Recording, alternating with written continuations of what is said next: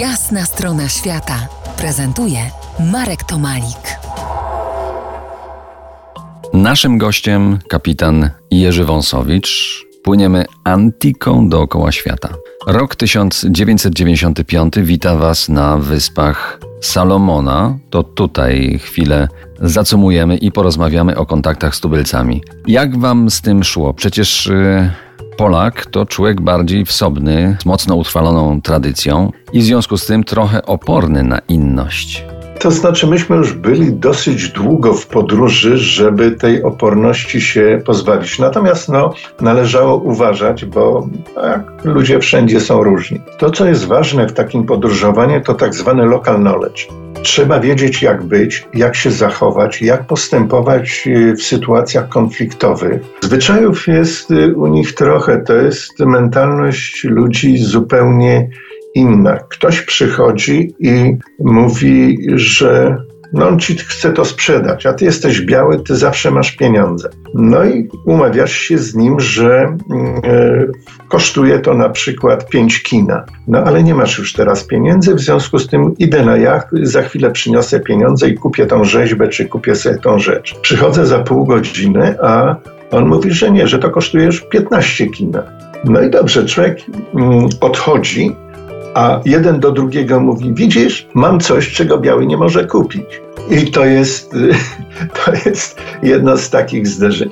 Na przykład uczono nas, że jeśli byśmy się wdali w bójkę z krajowcami, to broń Boże nie bić go w głowę, bo to w ogóle nie ma sensu. Oni mają strasznie odporne te głowy. Ale jeśli go trafisz w żołądek, to na pewno będzie to skuteczne.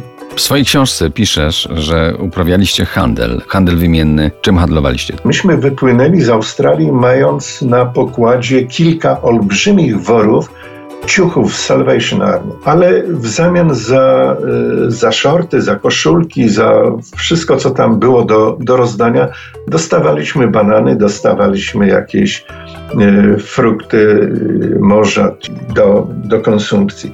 Także no, coś tam było za coś, i, ale to w formie niesamowicie delikatnej. Czy z perspektywy y, swojej podróży i dystansu do niej po ćwierć y, wieku możesz ocenić y, wpływ Europy na tę część świata?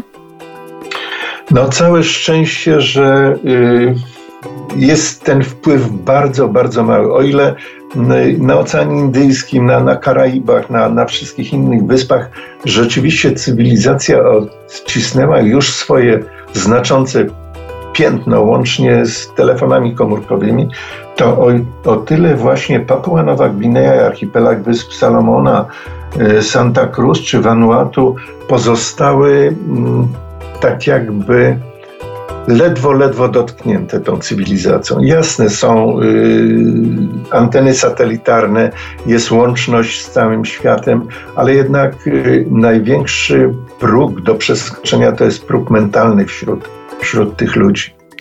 Dobrze, za jakiś y, kwadrans porozmawiamy o wyspiarskiej krainie Bronisława Malinowskiego. To jest jasna strona świata w RMS Classic.